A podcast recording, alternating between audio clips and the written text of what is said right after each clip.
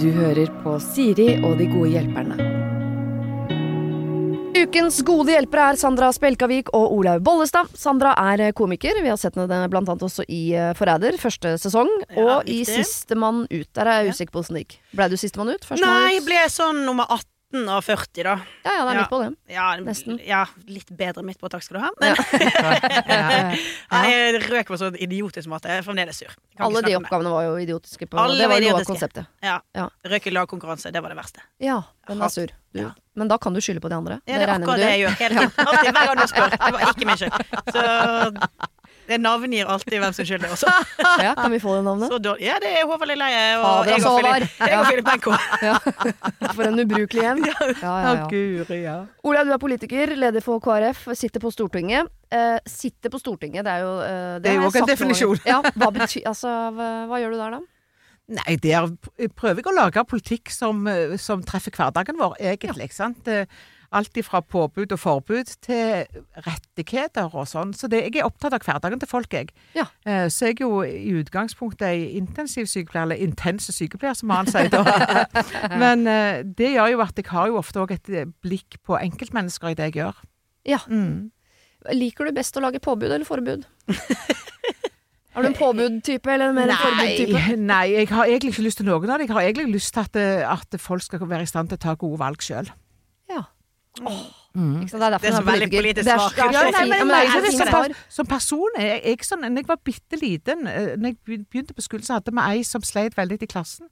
Og Hvis folk var litt stygge med henne, så kunne jeg springe hjem i friminutt og hente henne igjen. sant? Altså, jeg, er, jeg er ikke så opptatt av eh, påbud og forbud. Jeg ønsker egentlig at folk skal ha det greit. Jeg er sånn skrudd sammen. Det er rart vi liker Olaug Bollestad. men det kan ikke jeg for det. hvem jeg stemmer på. Ja. Der Ja, ja. Der har vi Ja. endret begge to. en liten KrF-seddel inn til der. Ja. Ok, vi skal uh, gjennom fem problemer. Jeg starter på toppen. Vi skal inn i en forelskelse som jeg allerede vet at du er skeptisk til, Olaug. Åh. Hei dere. Jeg er godt voksen, jeg er hele 40 år. Uff, står det. Jeg er godt gift, jeg har barn, jeg er verdens beste mann. Eh, og han har vært sammen med hele mitt voksne liv, og som jeg elsker, og jeg vil dele livet mitt med han. Problemet er at jeg falt så til de himmelgrader hardt for en kollega. Han er også gift. Jeg bare begynner å skjelve over hele kroppen hver gang jeg ser han, jeg vet ikke hva jeg skal gjøre av meg, for jeg er så hodestups forelsket i han. Oppfører meg sikkert også utrolig rart når han er i rommet. Vi har ikke gjort noe romantisk, knapt flørta litt, og jeg vet, jeg vet at han ikke er forelsket tilbake. Kanskje han synes det er litt ok med litt uskyldig flørting, altså smil og blikk under dagligdagse gjøremål, men sikkert ikke noe mer enn det, altså. Hva skal jeg gjøre? Skal jeg bare vente på at dette går over? Hva om det ikke går over, da? Skal jeg slutte i jobben? Skal jeg glemme alt dette og gå videre? Eller er dette et, kanskje et tegn på noe? Hm. Er teksting med flørting innafor kategorien uskyldig flørt? Så lenge jeg kun skriver og ikke rører mannen fysisk. Setter pris på tankene deres rundt dette. Hilsen Renate. Hmm. Foreløpig så oppfører hun seg jo ganske bra. Ja, Hun er jo glad i mannen sin òg. Hun er jo glad i sin egen mann. Ja. Men en forelskelse, det er, kan jo skje øh, de beste. Ja, det, det tenker jeg at kan skje også i forhold Eller at man liksom at man får øynene Mhm. opp for noen andre. Det tror jeg, tenker jeg er en helt naturlig del av et langt liv. Ja, ja. Altså, Så er problemet er jo selvfølgelig hva hun skal gjøre med det. Ja. Det, det, det jeg synes, Dette syns jeg er veldig vanskelig. Spesielt fordi at det, hun ikke tror at han er forelska igjen. er forelsket tilbake. Så det er egentlig hun som sitter helt aleine med disse følelsene sine. Men det hadde vel vært verre hvis han var forelska tilbake, for da er vel Ja, da er- sjansen for at man gjør noe med det, større.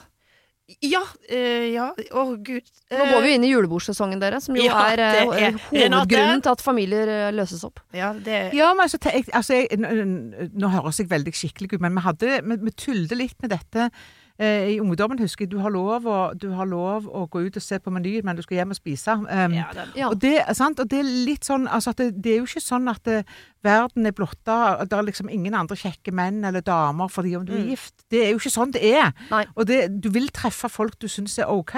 Og så blir spørsmålet da Hvor glad er jeg i den hjemme og de ungene at jeg vil ofre det?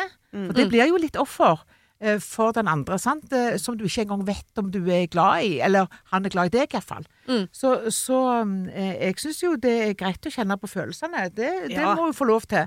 Eh, og samtidig må hun ta noen sånne eh, for og imot, nesten sånn Hva er dette for noe? Sant? Fordi jeg tror òg at hun kanskje vil komme inn i sånne masse andre utfordringer etter hvert, som hun ikke hadde sett for seg, fordi du er, du er på en måte litt i forelskelsesfasen, kanskje. Jeg er veldig glad for at hun spør nå, fordi hadde hun vært Ja. liksom inni det at de allerede Ja, hadde ja, klina på en fest, eller Ja, de hadde en flørt gående, eller sånt, så er det litt, Mm. da er man liksom litt mer involvert i noe som er vanskeligere å komme seg ut av. Mm. Men når hun nå står Hun har ikke satt dø, foten innafor terskelen engang. Mm. Så mener jeg at her har du alle muligheter til å eh, å, å snu ryggen til å gå andre vei, på en måte, før du har gjort noe som helst galt. Mm. Så når hun spør er teksting med flørting Nei, ikke begynn med teksting med flørting, Fordi da har du gått et skritt Nei, i, feil kryss- retning. Ja, da krysser man Sier ikke at det nødvendigvis er ille sånn 'Å, har du sendt tekstmelding til mannen på nei, jobben?' Nei, da, det, det blir skilsmisse. Men du går i retning av noe mm. som kan lede til med- noe som ikke er greit. Absolutt. Så vet du ingenting liksom om resultat eller responsen heller, så du Mm. blottlegger deg jo litt òg, for du vet jo ikke responsen hos den andre. Nei. Sant? Så det, jeg ville jo òg tenkt det at det er dumt å sende melding, for da har vedkommende òg et kort mot deg, på en måte. Sant? Hvis det ikke han gjengjelder det. Så um, jeg, jeg ville ikke gjort det. Men det beste er jo for henne å Mm. aldri finne ut av om han liker henne. Fordi hvis han plutselig er kjempeforelsket Mm. i henne, så blir det vanskelig for Renate å holde fingrene fra fatet, tror jeg. Ja, det blir vanskelig for de hjemme, og det blir vanskelig for alle, egentlig. ikke sant? Ja. Jeg tenker jo det som Olaug er inne på, at det er fint å kanskje nå i dette øyeblikket, Det at hun spør nå, er veldig veldig fint, som du sier. At hun, hun har liksom ikke døren på gløtt. Det er liksom sånn, Den er ganske lukket. Eller sånn foreløpig. Men hun vurderer å åpne den. Den kan ikke åpne. Det er en Pandoras eske eh, du ikke nødvendigvis er så gira på å, å åpne. Eh, og heller gå heller Ta heller det du opplever der, ta det med inn i, inn i deg og ditt forhold. Og se heller på er det, noe, er det noe hjemme dere kan forandre eller gjøre bedre. Altså, er det en grunn ja. for at du på en måte plutselig Ja, er interessert ut, ute? Selv om du er veldig glad i mann og barn, på en måte. Er det noe ja, å jobbe med hjemme? Er det noe Ja, for la oss ta tak i de tingene du spør om her, da. Mhm. dette, kan dette være et tegn på noe? Ikke nødvendigvis, men det, det kan være bare en del av altså, det å være menneske. At du får følelser over noen andre. Ja. Uh, Men det er, for det er vel ikke Men- sånn hvis du, hvis du får øynene opp for noen andre, så betyr det at mannen din ikke er den rette for deg. Det er det ikke Nei. tegn på. det, Nei, det trenger ikke være det. Og så tenker jeg av og til i et parforhold òg Nå har jo jeg vært gift med samme mann i 38 år snart. Ja. Og jeg tenker men vi må passe på at vi gjør noe romantisk i lag, selv om vi er godt voksne. Ja. Og det å tenke at når du har unger og tenåringer og sånn, at du Mm. faktisk holder litt av den gnisten Ja. fortsatt. Sant? Så- ja, ja. Og det tror jeg faktisk at det, kanskje en kan òg gjøre, gjøre det, da.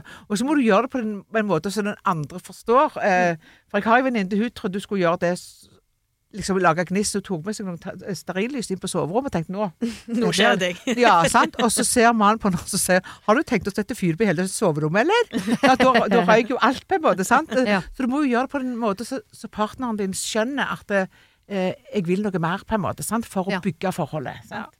Så hvis dette er et tegn på noe, så er det et tegn på at kanskje du skal investere litt Yes. mer i forholdet hjemme, ja. sånn at dere får opp den gnisten. For det, det er jo litt typisk at hun nå tenker at mannen hennes Mm. skal tenne gnisten sånn at hun får øynene. Men hun, det kan jo hun gjøre. Det er bare hun som vet at hun driver og gnister litt borte Mm. på arbeidsplassen i tillegg. Så eh, kanskje hun skal sette opp Bruke den energien hun får av forelskelsen på jobb til å virkelig liksom få flammer på bålet hjemme. Ja, absolutt. Ja. Og jeg er nok jeg, jeg har samboer, men jeg, jeg er gift og har barn på den måten. Men jeg kan, jeg kan skjønne litt liksom, sånn når det koker på hjemmebane. på en måte Kanskje det har stagnert litt mellom de, selv om hun er glad i mannen sin. Så kanskje det har stagnert litt Ja. Nå legger jeg ordet i Rinat sin munn, det, men kanskje har Det liksom blir mye sånn- hverdag er etter hvert. Ja, hverdag og barn, barneliv, og det er mye fokus på kids og sånn. Eh, Det kan man kjenne på i alle, om man er kjæreste eller gift. Eller sånn at, at over tid Man har perioder som er litt sånn Og da kan jeg skjønne, i den travle eh, barneperioden, hvis du har fått litt øyne opp for en litt sånn fyrig kollega.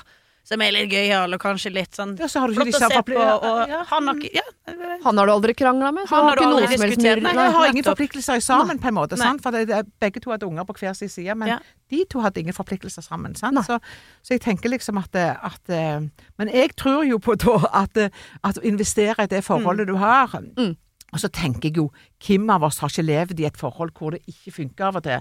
Sant? Og, og da, da tenker jeg Jeg er jo så skrudd sammen òg, at det, det må vi tørre å snakke om. Mm. Kanskje med en tredjeperson òg av og til. Jeg tror det kan være lurt, jeg. Mm. Faktisk. Uten at du skal tenke at nå ryker ekteskapet, nå går vi til familieterapi. Det er jo ikke det jeg snakker om. Nei. Men jeg snakker om at eh, gode vennskap kan du dele sånne ting med, tror jeg. ja. Så burde jeg slutte jobben? Nei, det syns jeg var Nei, litt nei. overilt. Øh, Skal jeg bare glemme alt dette? Ja, du kan jo prøve, men det blir jo lettere å glemme han på jobben hvis du får øynene opp for han mannen hjemme. Ja. Og det må, du jobbe, det må man jobbe med. Det må Må man, det. forhold må man jobbe med. Ja. Mm. Og investere i, liksom. Så Ja. jeg tenker det er i hvert fall et sted å begynne. Mm. Begynne der. Se om du kan få fyr i peisen, holdt jeg på å si. Ja, ja, ja, Hjemme ja, ja. Full fyr. Ja, jeg tenker, eh, Du klarer ikke å glemme han fyren på jobben. Du, det er, og det er fullt lov å gå rundt og tenke at han er en eh, deilig, eh, biffaktig type som du gleder deg til å se dagen etter. Bruk den energien hjemme, se om du kan skape litt gnist. Eh, og ikke begynn med noe eh, Altså ikke begynn å gå i feil retning. Ikke send meldinger og Altså, ta det med deg hjem. Mm. Ja, Ja. det tenker jeg. Ta det med hjem. Denne uken har eh, Siri og De gode hjelperne et samarbeid med utstillingen The Mystery of Banksy, A Genius Mind. Den utstillingen kan du se på Økernsenteret i Oslo helt fram til 16. juni. Til eh, tross for at Banksy er verdens mest kjente gatekunstner, så er han samtidig også helt anonym. Det er ingen som vet hvem han er, og en av grunnene til det er at han er etterlyst for vandalisme. Kunsten hans er ikke på utstillingen, det er altså 200 reproduksjoner utført av andre gatekunstnere du kan se på Økernsenteret. Og siden han er så anonym og utilgjengelig, så er det også umulig å få en godkjenning av utstillingen av Banksy selv, men folka rundt Banksy, som kaller seg Pest Control, de gjør kontroller og sier ifra hvis det ikke er godkjent. Og det har de ikke gjort her, og utstillingen er derfor å anse som godkjent. Og jeg tenker at eh, Banksy høres ut som en litt sånn eh, kul fyr, selv om jeg vet jo ikke hvem han er. Jeg bare ser hva han skaper. Uh, og jeg merker at jeg, liksom bli, jeg blir nysgjerrig på han. Jeg husker en eh, tidligere sjef jeg hadde, eh, fortalte meg at Siri, eh, de som hører på deg på radio, de må enten ha lyst til å bli sammen med deg, eller så må de ha lyst til å være vennen din, eller i hvert fall gå på fest sammen med deg. Da lytter de. Jeg vet ikke om jeg har så veldig lyst til å bli kjæreste med Banksy, vanskelig å si, men det hadde definitivt vært veldig gøy å gå på fest med han eller ha han som venn, bare for å høre litt mer om hva som bor inni det kunstneriske hodet hans. Kjøp billetter til utstillingen på mystery-banksy.no. Her kan du også lese mer om utstillingen. Bruk kodeordet Siri, velg tidsbestemte billetter på hjemmesiden, og få billetter til kun 250 kroner. Koden gjelder til og med 31. mars. Har du et problem og trenger hjelp, ja, så sender du det til meg. Da bruker du Siri, alfakrøll, radionorge.no. Dere, eh, i september en gang så hadde jeg besøk av Desta Marie og Bahareh Viken, og da tok vi et problem som var innsendt fra en anonym eh, kvinne. Eh, kort fortalt, hun hadde to venner, en som het Knut, og en som het kompisen til Knut. Eh, og disse har bare vært venner, men hun hadde begynt å kjenne litt på følelser overfor kompisen til Knut. Altså hun har vært kjæreste med Knut, men har følelser for kompisen til Knut. Ja. Eh, problemet er at eh, eh, hun har også da ligget med denne Knut, ikke kompisen til Knut, men hun lurer på om hun fortsatt allikevel har jeg vet ikke, Hun har ikke vært sammen med Knut. Hun har ikke vært sammen med noen av dem. Hun har ligget med Knut, men er forelska i kompisen, men lurer på om hun har forspilt sine sjanser overfor kompisen ved å ha ligget med Knut. Og denne Knut er litt gira på hun her kvinnen, men hun er gira på kompisen. føler jo nøkkel her er tid. Ja. Masse tid. Nå, nå må det gå eh, vinter og vår, eh, sånn at dette er et litt mer tilbakelagt kapittel. Og hvis det ikke er noe flørt eller relasjon der i utgangspunktet, så, så, så burde det jo da uansett ta litt tid før det eventuelt oppstår. Ja. Men må hun si det? Nei, jeg syns bare at hun skal på en måte Hvis det er sånn at hun vet at hun er forelska i kompisen til Knut, så må hun på et eller annet tidspunkt klare å gå uh, over den der vennskapsbroa og til den andre siden hvor det ligger liksom rom for klining. Uh, og hvis hun velger å gjøre det nå, så vil jo timingen kanskje føles litt rar. I og med at de har vært venner lenge, men hun gjør det nå når hun nettopp har ligget med kompisen. Ja, Men må hun si at hun har ligget med Knut? Jeg vet han For det er ikke sikkert han vet, nei. Nei. Med Nei, mindre Knut har sagt det, da.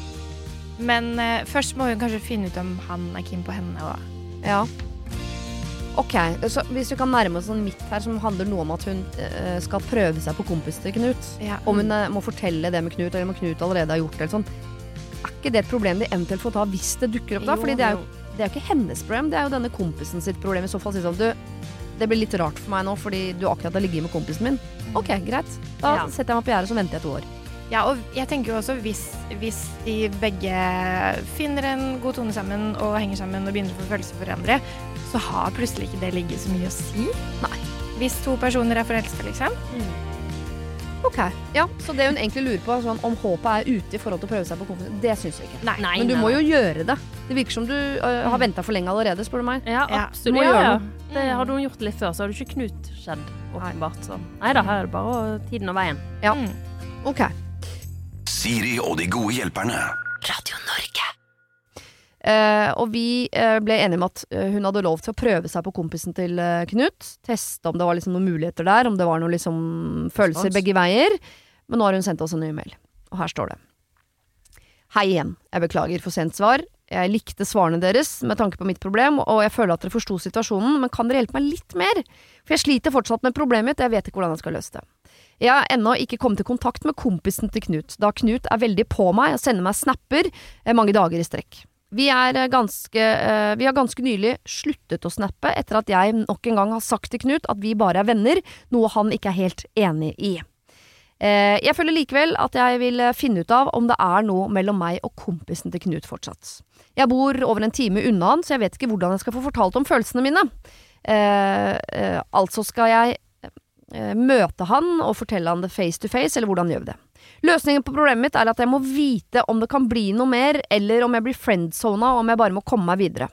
Det går vel an å starte en melding eksempel med Hei, jeg må fortelle deg eh, noe jeg sikkert burde sagt face to face, men det blir litt vanskelig grunn av avstanden. Men så føler jeg at det eh, er lettere for han da å kunne avvise meg. Hva tror dere er best? Face to face eller melding? Jeg liker han så godt. Eh, og dessverre så uh, uh, I ettertid har jeg fått høre av andre at det virker som om han også liker meg ut fra ting han har sagt eller gjort. Men så har vi jo da dessverre flyttet til forskjellige steder. Derfor har jeg veldig lyst til at denne gangen så kanskje vi finner veien tilbake til hverandre. Hilsen fortsatt anonym kvinne. Hun skriver litt rotete. Det tror jeg fordi det er litt kaos oppi hodet hennes. Men hun er forelsket i en fyr som er kompisen til en fyr som er forelsket i henne. Mm.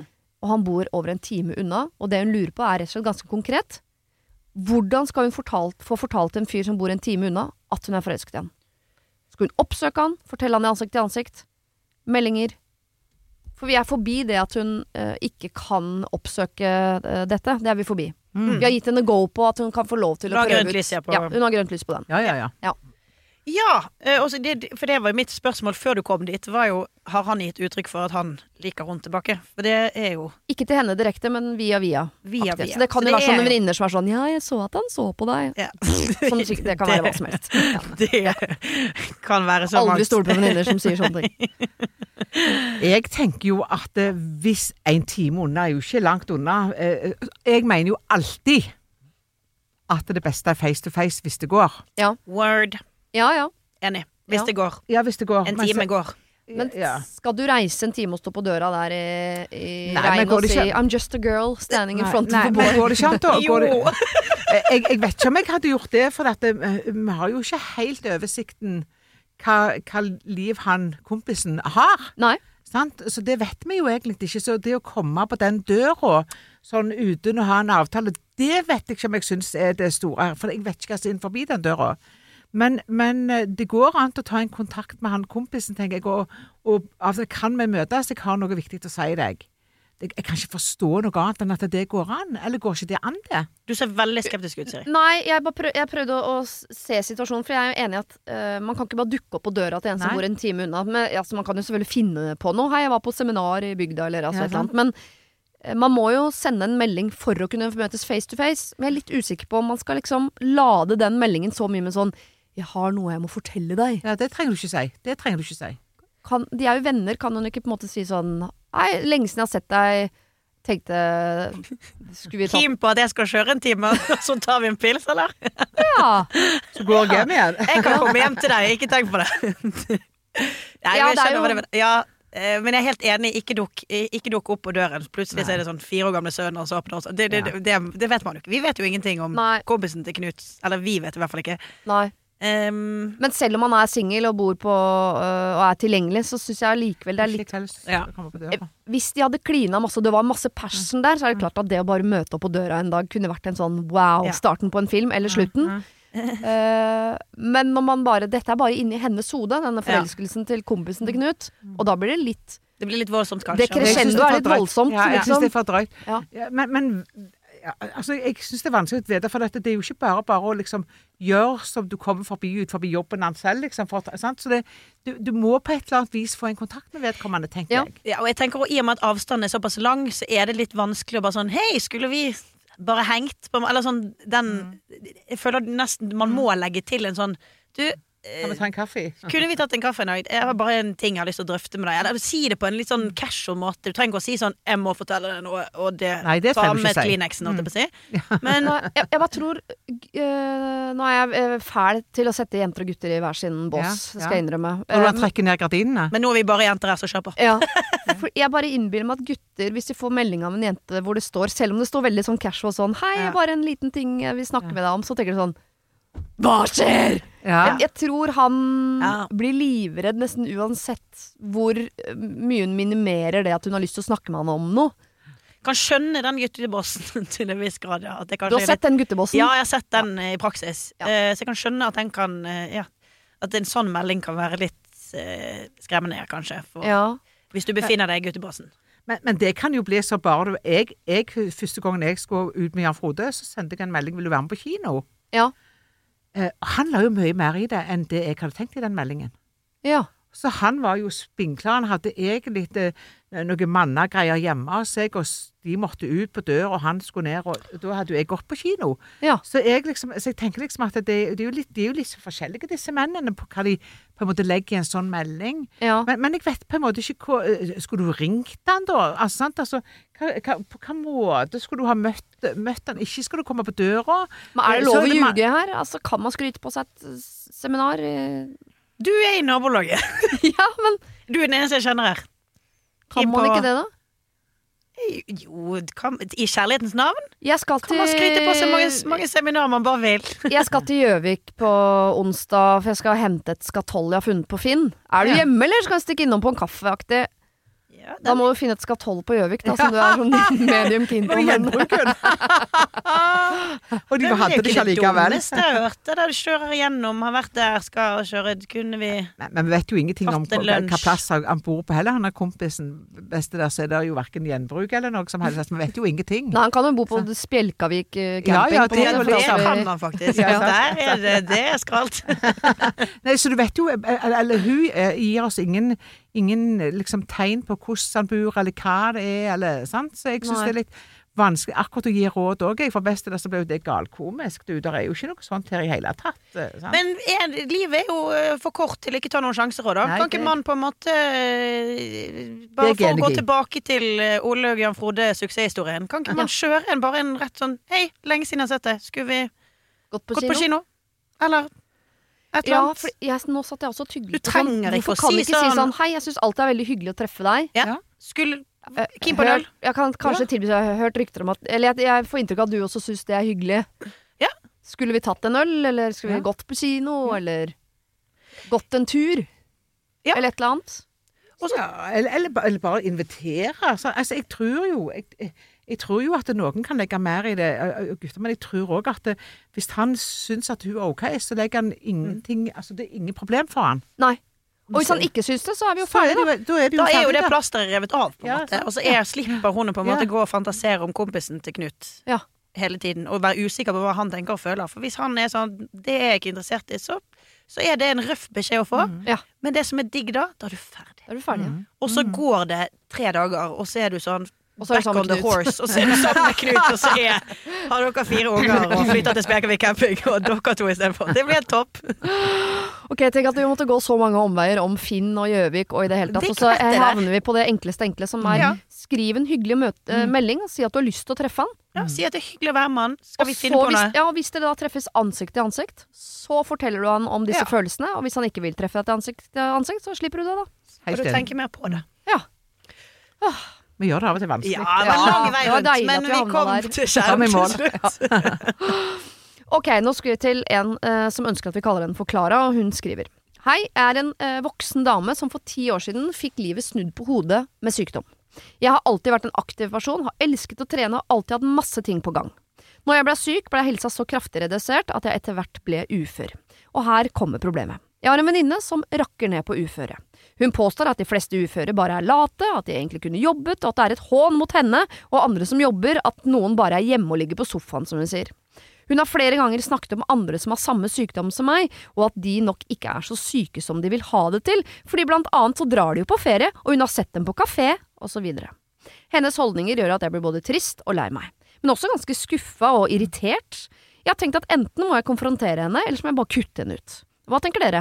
Jeg har også inntrykk av at folk ellers kan ha en ganske dømmende holdning overfor uføre, og at man ofte kan føle seg litt uglesett. Innspill? Kall meg Klara. Kall meg Klara. Ja.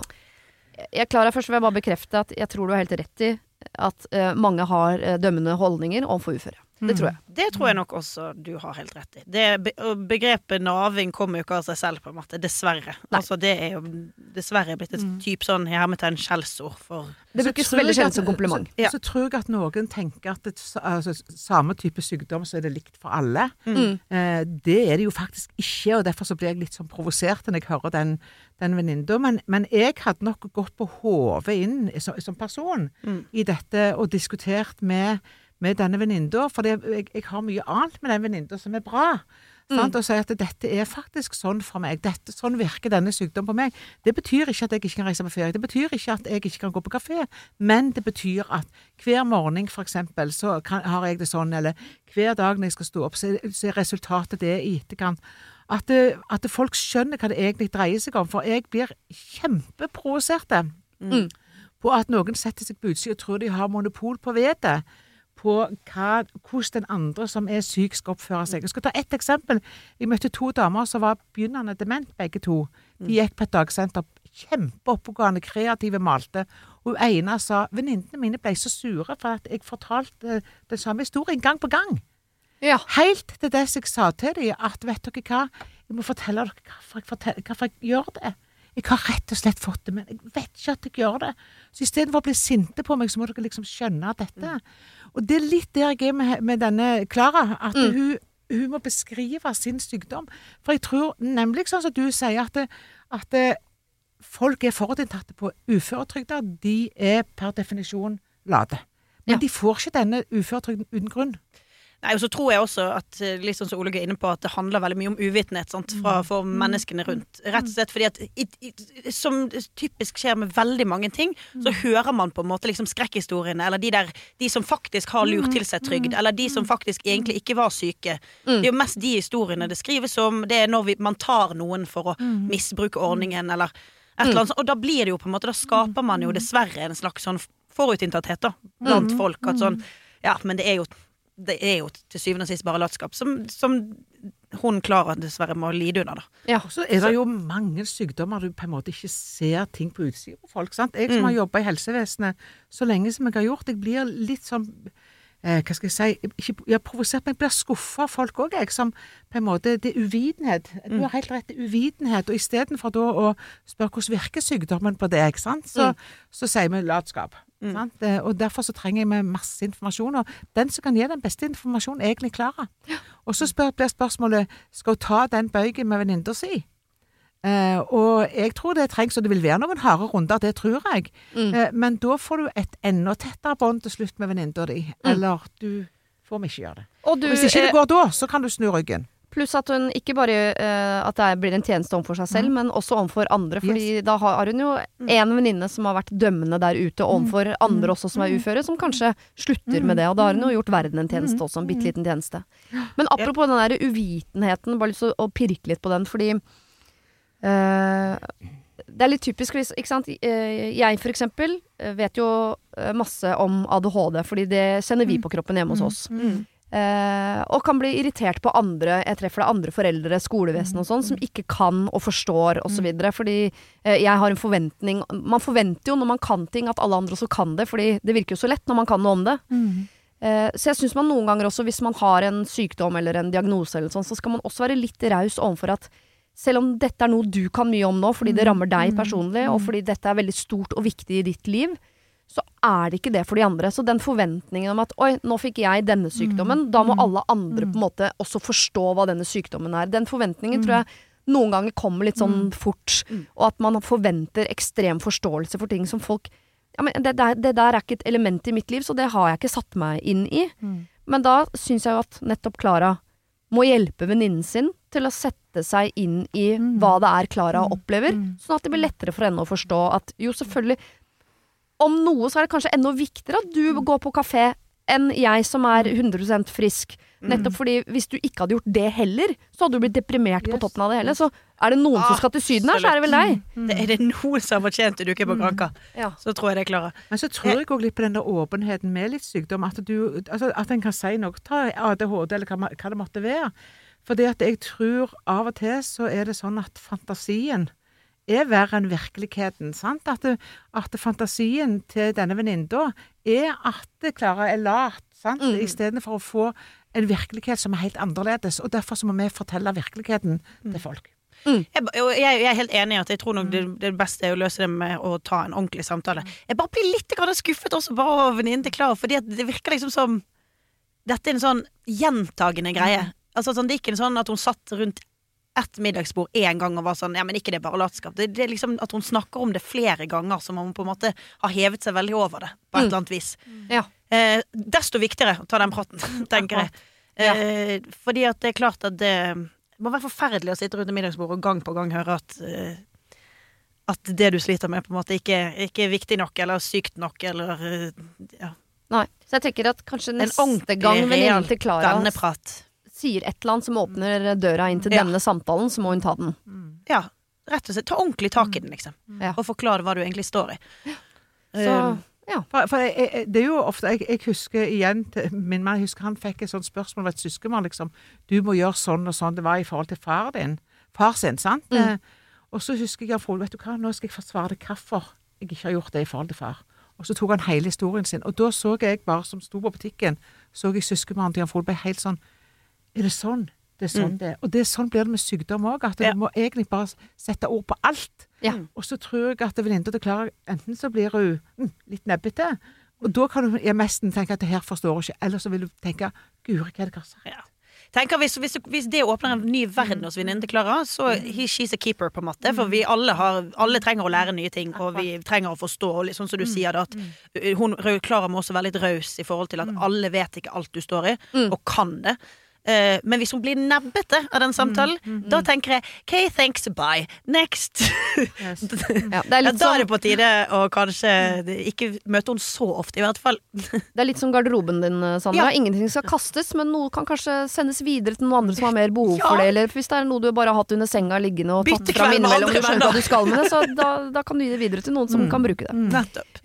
Så Klara, ta en eh, prat med venninnen din. Enten så kommer du Ja. nærmere henne, og hun blir et mer forståelsesfullt eh, menneske. Men det kan hende hun reagerer med litt sånn snerpete der og da, men da må hun få lov til å gå hjem og prosessere. Ja. Og så håper vi hun kommer tilbake mer opplyst, eh, og at det vennskapet blir bedre. Eller så kan du legge henne ut på Tice. Mm. Ja. Ja. Enig. Denne uken har Siri og De gode hjelperne et samarbeid med utstillingen The Mystery of Banksy, A Genius Mind. Den utstillingen kan du se på Økernsenteret i Oslo helt fram til 16. juni. Til eh, tross for at Banksy er verdens mest kjente gatekunstner, så er han samtidig også helt anonym. Det er ingen som vet hvem han er, og en av grunnene til det er at han er etterlyst for vandalisme. Kunsten hans er ikke på utstillingen, det er altså 200 reproduksjoner utført av andre gatekunstnere du kan se på Økernsenteret.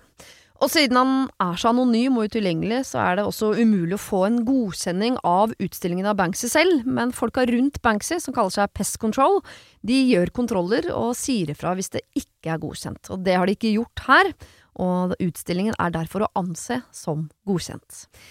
Og jeg tenker at eh, Banksy høres ut som en litt sånn eh, kul fyr, selv om jeg vet jo ikke hvem han er. Jeg bare ser hva han skaper. Eh, og jeg merker at jeg, liksom blir, jeg blir nysgjerrig på han. Jeg husker en uh, tidligere sjef jeg hadde, uh, fortalte meg at Siri, uh, de som hører på deg på radio, de må enten ha lyst til å bli sammen med deg, eller så må de ha lyst til å være vennen din, eller i hvert fall gå på fest sammen med deg. Da lytter de. Jeg vet ikke om jeg har så veldig lyst til å bli kjæreste med Banksy, vanskelig å si, men det hadde definitivt vært veldig gøy å gå på fest med han eller ha han som venn, bare for å høre litt mer om hva som bor inni det kunstneriske hodet hans. Kjøp billetter til utstillingen på mystery-banksy.no. Her kan du også lese mer om utstillingen. Bruk kodeordet Siri, velg tidsbestemte billetter på hjemmesiden, og få billetter til kun 250 kroner. Koden gjelder til og med 31. mars. Har du et problem og trenger hjelp, ja, så sender du det til meg. Da bruker du Siri, alfakrøll, radionorge.no. Ok, den her eh, Ja, jeg må bare lese. Denne mailen er også litt uh, rotete, men jeg skjønner det. Her er det mye greier. Og uh, jeg, jeg har glemt å spørre deg hvor gammel du er, Sandra. Det skal jeg heller ikke spørre om. Det kan du si hvis du føler at det er relevant. Men uh, dagen i dag, altså problemene, den bunken jeg har med meg i dag, mye sånn voksenproblematikk.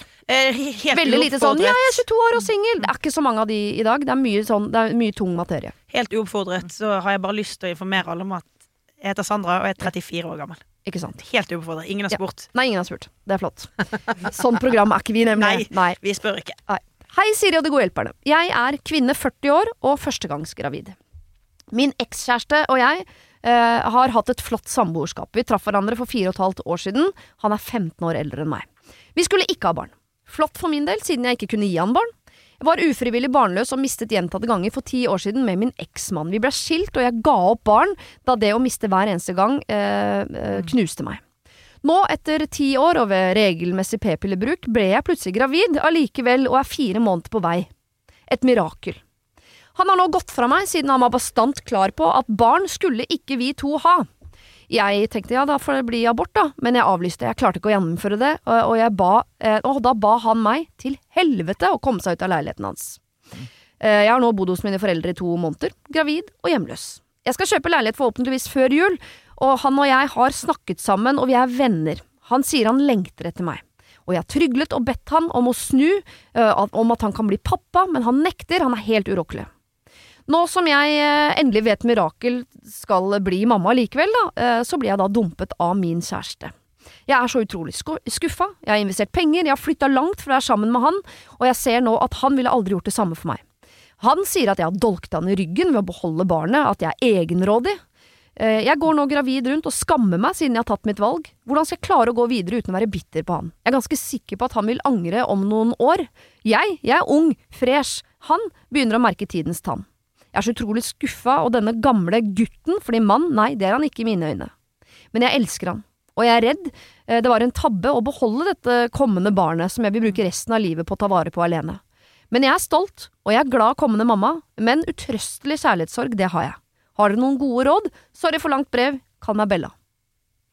Jeg er ikke helt sikker på hva hun vil ha hjelp med her. Skjønner? Jeg tror bare hun vil at noen skal si Jeg tror hun trenger støtte. 'dette går bra'. Ja, ja skjønner du? Jeg tror hun trenger et søsterfellesskap som sier sånn What the actual Ja, ja, Er det ja. Hvorfor kommer dette til å gå bra?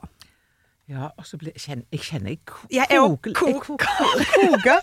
Ja, fordi sitter at kan ikke være sinnerynke. Ja, jeg Mens du har lest sånn Ja. Ja. De kan ikke ta halen mellom beina og bare gå. Altså, Nei. de er jo med i Hadde de vært sammen i 15 år? Nei, de har Nei, vært sammen i fire og et halvt, og så og har hun en eksmann i ti år Ja, før det. sånn var det. Ja. Og de klarte ikke å få barn. Nei, sånn. Ok. Han var 15 år eldre. Ja, han var 15 år eldre. Hvis, altså, la oss begynne i feil ende og gi denne uh, gutten, som hun ikke vil kalle en mann, uh, det han tenker at er sitt forsvar. Avtalen var at vi to ikke skulle ha barn. Du gikk på p-pille. Vi skulle aldri ha barn sammen. Jo, Du har dolket meg i ryggen. Livet er ikke sånn at du bare kan inngå en avtale om at vi skal Jo, tanken var vi- Dere var jo på en måte enige om det, ja. Men dette har jo ikke skjedd med vilje. Nei. Nei, altså, det er jo faktisk Uansett så er det jo en, en, en risk om du er sterilisert, om du bruker preven, prevensjon, at du kan bli gravid. Det vet en jo. Så det er jo ikke hennes ansvar alene. Det er jo pinadø hans ansvar òg, ellers må han holde fingrene av fatet. Eller andre ting av fatet. sant? Altså, Ja. Det er jo faktisk Den ene store fingeren der nede. ja, den må du holde av ja, fatet. ja, den må han faktisk holde av. For dette, det er en risiko som, og det er ikke bare kvinner sitt.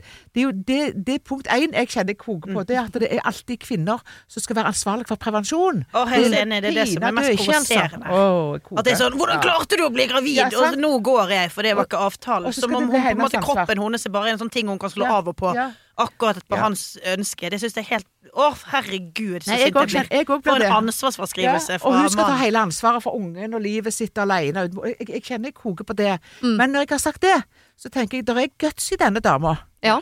Fordi at hun For det første så skriver hun det, og så har hun mange ambivalente følelser, altså skiftende følelser i det å vente på barnet. På ene sida så, så tenker hun har gjort et feil valg, og på andre sida så tenker hun jeg blir ei god mor. Ja.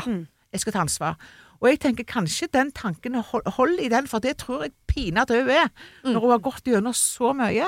Og så tenker jeg at ja, om han eh, får et uh, annet syn etter hvert, så er det hun som har tatt det store ansvaret med faktisk både å bære fram dette barnet, Mm. og ikke minst òg sagt at dette klarer jeg.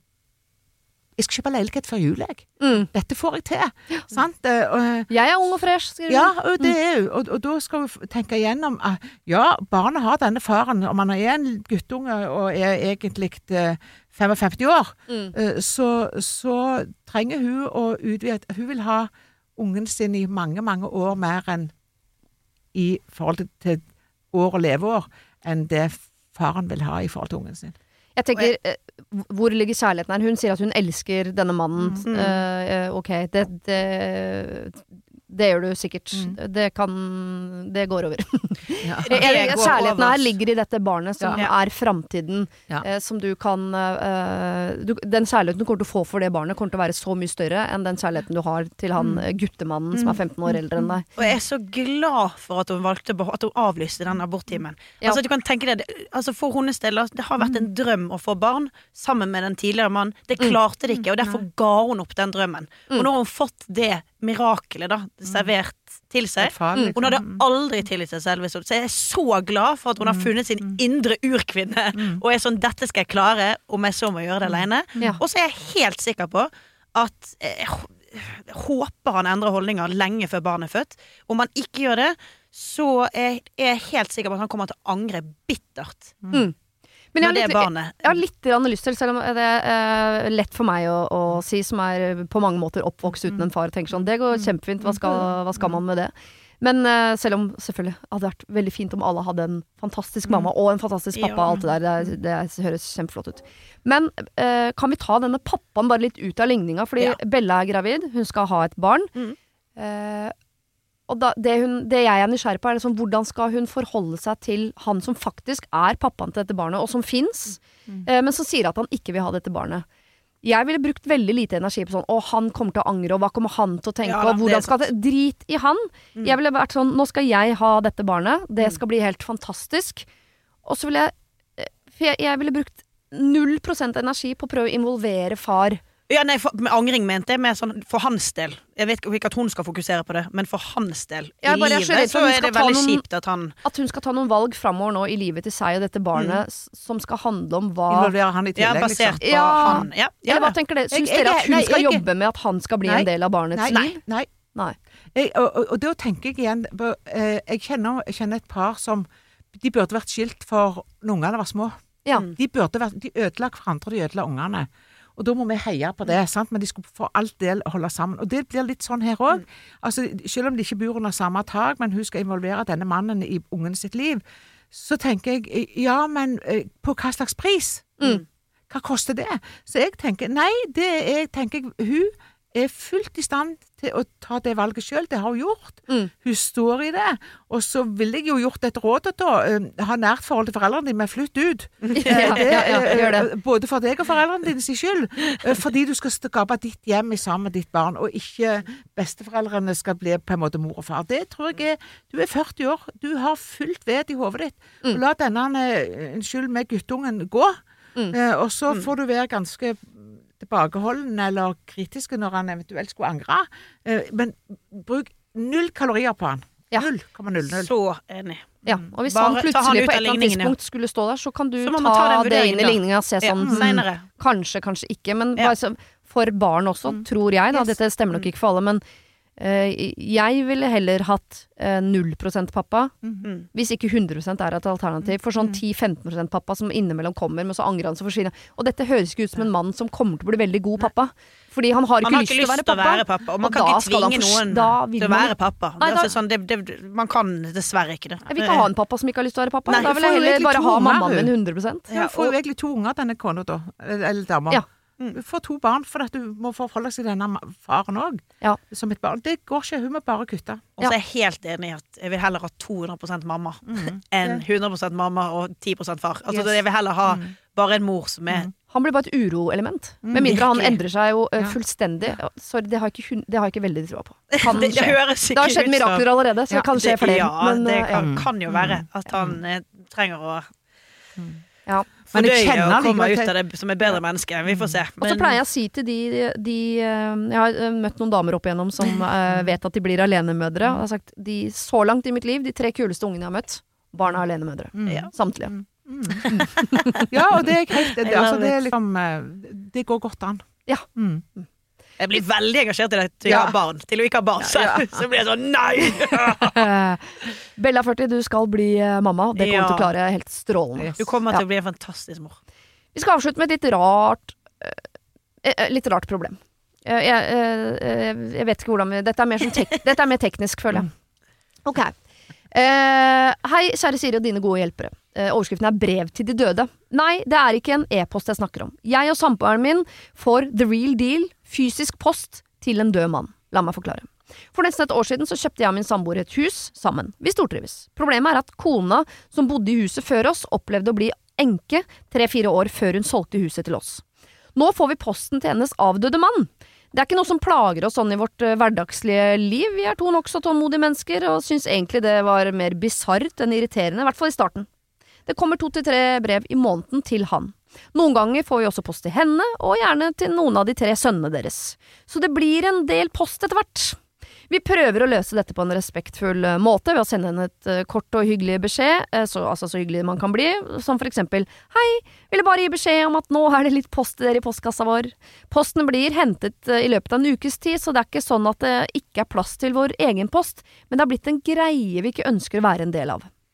Det er stort sett banken som er avsender her, og de har jeg tatt kontakt med, men de kan ikke gjøre noe etter en dialog med meg, da jeg ikke er en av hans etterlatte. Det er altså kona som må fikse dette.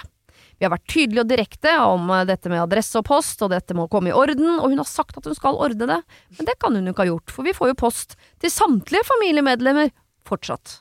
Ikke vet jeg om det er vanskelig å bytte adresse på en død mann heller. Vi har vært innom eh, den passiv-aggressive tanken om å skrive Post-It-lapper på postkassa til postmannen at her skal det ikke post til familien Olsen! Vi er egentlig ikke konfliktsky heller, men selv om vi er direkte, så skjer det jo ikke noen endring her. I tillegg bor søsteren hennes i nabolaget vårt, så det tar eh, seg gjerne ikke bra ut med en sånn lapp. Eller hjelp. Ta gjerne imot eh, måter å håndtere dette på på en respektfull måte, som også ender i resultater. Hilsen Iben. Tre til fire år! ja. Altså, Ja, OK. Men det er jo noen som får- Jeg, jeg, jeg, jeg, jeg sa jo det tidligere i dag, jeg hadde Ja. blitt litt Lov å bli litt fyrig av det, altså. ja. jeg er nesten sånn Eller jeg tror jeg hadde tatt disse brevene i eh, posen, ja. og så hadde jeg reist hjem til denne enka. Ja. Og så hadde jeg sagt at nå skal meg og deg sette oss ned, og så skal vi fikse dette på nettet. I, vedkommende er død, sant? Han er jo egentlig ute av folkeregisteret. Ja. Nå må vi gå inn på alle de som vi får brev fra, for dette går ikke lenger. Vi kan ikke ha det sånn. Du eh, irriterer meg, eh, men det er òg feil. Og det er feil for ungene dine. Jeg antar at disse ungene er ganske voksne òg. Jeg tror kanskje de òg burde vært involvert i dette. Jeg tror ikke de engang vet at de får post hjem til det tidligere huset. Så jeg, eh, jeg tror faktisk jeg hadde brukt en lite kalori på det, for det høres jo kjempeirriterende ut. ja. Ja, det, det, det, var så, det var så over så lang tid òg.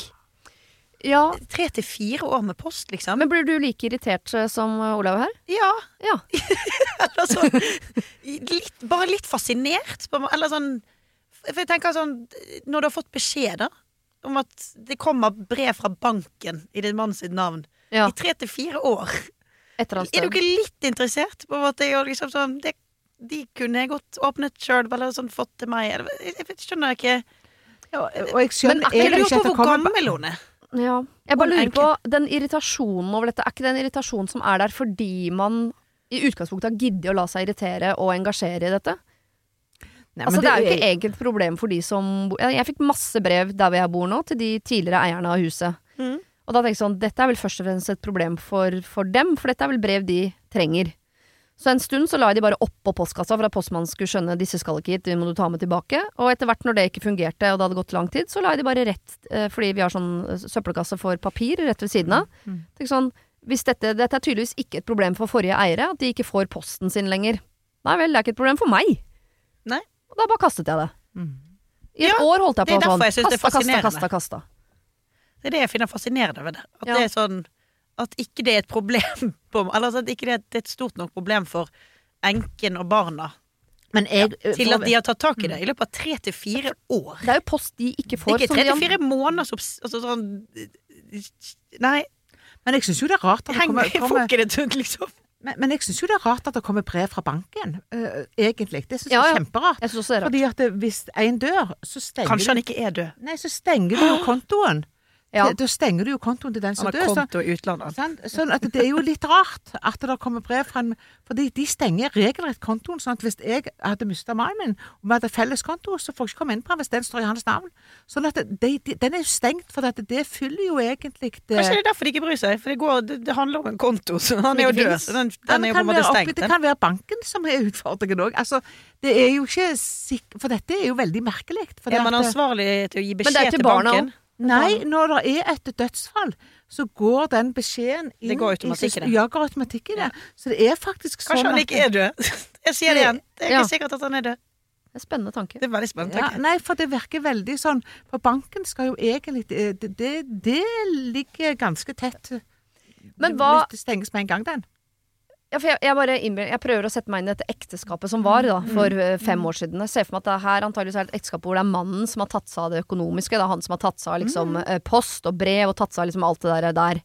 Eh, og da skjønner jeg, hvis du aldri hvis du aldri har betalt en faktura eller vært inne i nettbank eller hatt noe med de tingene der å gjøre, og så dør han som har tatt seg av alt dette, og så sitter ja, du der Du har aldri snakka med banken, du, for det var det han som gjorde Så jeg skjønner at den bøygen kan være litt stor i forhold til å endre adresse, snakke med Ta alle de der praktiske Som er litt mye av forvente av en, eh, en gammel kvinne som aldri har tatt Det er som å, å, å gi en nymotens mobiltelefon til en gammel mann som aldri har tatt i en mobil, Ja. og forvente sånn Skjønn dette, da! Og det er det, derfor jeg Så jeg syns litt synd på hun gamle dama. Hun vet Ja. ikke, det er ikke det at hun er treig eller gir faen eller sånn. Hun bare hun, hun har ikke. gjort det før, så det, det bare føles ut som et fjell som skal bestiges. Men hvor også, de barn Kan man gå på de barna? Yes. Det er tre barn her!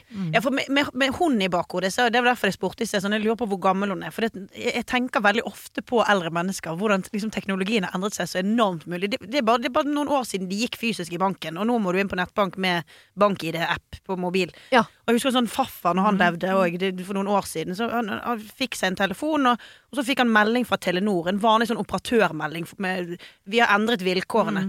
Og han skjønte jo ingenting, så han skrev den på en Post-It-lapp, tok bussen ned til kontoret til pappa og leste den opp og sa 'jeg fikk denne meldingen på mobilen'. Hva Ja. betyr det? Altså sånn, vi, han er på en måte den mm. generasjonen. Og hvis hun er i nærheten av den generasjonen, Og jeg så er det sånn, hvem skal Men da må jo ta ungene ta ansvar. Jo, de har jo tre voksne unger, har jo ikke det? Ja, jeg mener at det er de som må på banen. For til Ja, og med jeg kan sånn, hvis det er noe gærent og jeg må ringe Telia for å fikse Så kan jeg bli sånn Det tar meg et døgn, det. Fordi Ja, jeg, meg jeg gruer meg til den telefonen og Jeg har det på huskelapp sånn en uke fram i tid. Husk å ringe Ice. Ja, og så utsetter man det, for man kvier seg til å, å gå inn i det systemet der. Så jeg tenker jeg syns ikke man skal klikke på gammel uh, kone her, som antageligvis syns at dette er kjempevanskelig. Men ungene må jo ta ansvar. barna? Ja, de Ja. må ta ansvar. Jeg har jo litt lyst nå til at dette skal være en film. At han egentlig ikke er død. Det er derfor de ikke endrer det. På Cayman Island. Ja, han bor på Cayman Island. Han er kriminell, og Ja. de er faket død nå, så nå bor han. Og derfor kan ikke de gjøre noe med det. Og de må bare sånn bla, bla, bla, bla, vi hører ikke hva du sier. Den adressen, den posten fortsetter å gå. En, at dette har vært helt sånn knirkefritt opplegg, bortsett fra de der jævla ja, de nye nye folka som har flytta inn i huset, som ikke kan la den posten ligge. Kan ikke bare pass, kaste posten i papirkurven, sånn som Siri Kristiansen gjør. Det er ikke så vanskelig. Og bare aldri snakk om det Ikke igjen. engasjer dere. Vi Vi håpet dere ikke hadde empati. Prøver å skjule en bankraner her. Vær så snill, la oss være i fred. Og så vet vi ikke hva som ligger i disse brevene. Nei. Sant? Nei. Det, det kan ligge bankkort, det kan ligge masse i de brevene Ja. fra banken. Kanskje åpne Nei, det, skal, så- det er feil tips. Legg den passiv-aggressive greiene litt til side. Ta Ja. kontakt med et av barna. og Si, eh, Nå Ja. har vi gjentatte ganger øh, prøvd prøvd å snakke til deres mor. Vi får post både til faren deres og til dere innimellom. Kan dere være så snille å gjøre noe med det?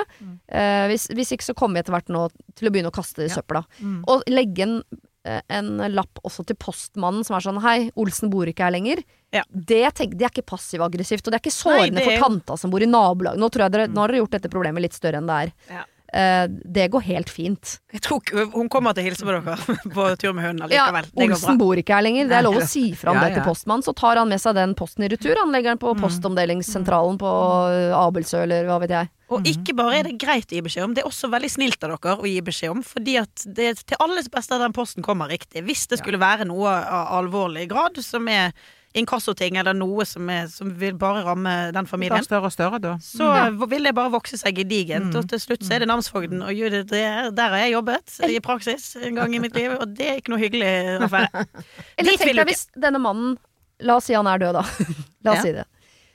At han hadde noen fond som kone ikke er klar Ja, over. Så hun sitter nå og, og bruker teposene tre ganger i en sånn Ja. råtten leilighet Mm, eh, et eller annet sted. Og spinker og sparer og lurer på hvordan det skal gå i pensjonstilværelsen som enke.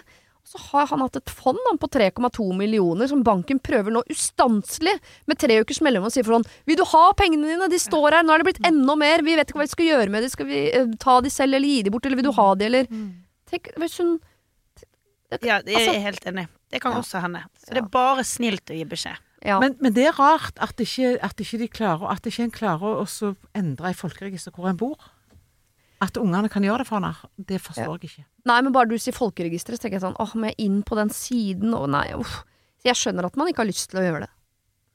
At det er en sånn papirmølle man ikke orker. Men det er, det er jo ikke så veldig vanskelig. Det, det, nei, det er ikke Men det er vanskelig hvis du er 95 på en måte. Altså Ja. sånn, Ja, ja, og ikke har gjort noe som ligner på det før. Ja. Så er det vanskelig, og det har jeg all respekt for. Ja. Nei, Så ta kontakt med barna. ta kontakt med barna. Skjer det ikke noe da heller, så vil jeg åpnet brevene bare for å sjekke om det er eh, masse penger på en konto et eller annet sted. Da vil jeg gitt beskjed en gang til om det. Da skal du se det får eh, fart på sakene. Ja. ja, Hvis ikke så er det jo kort vei fra postkassa til, eh, til søppelkassa. altså. Ja. Ok. Eh, da eh, sier jeg bare tusen tusen takk til Olaug og Sandra for at dere var mine gode hjelpere i dag. Tusen Det var takk så hyggelig! For en fargefest vi har hatt. Ja, vi har hatt en fargefest. Du skulle vært her, skulle jeg si. Men det er dere jo. Det var det. Husk å sende problem til siri.radionorge.no om du vil ha hjelp. Denne podkasten er produsert av Klynge for Podplay.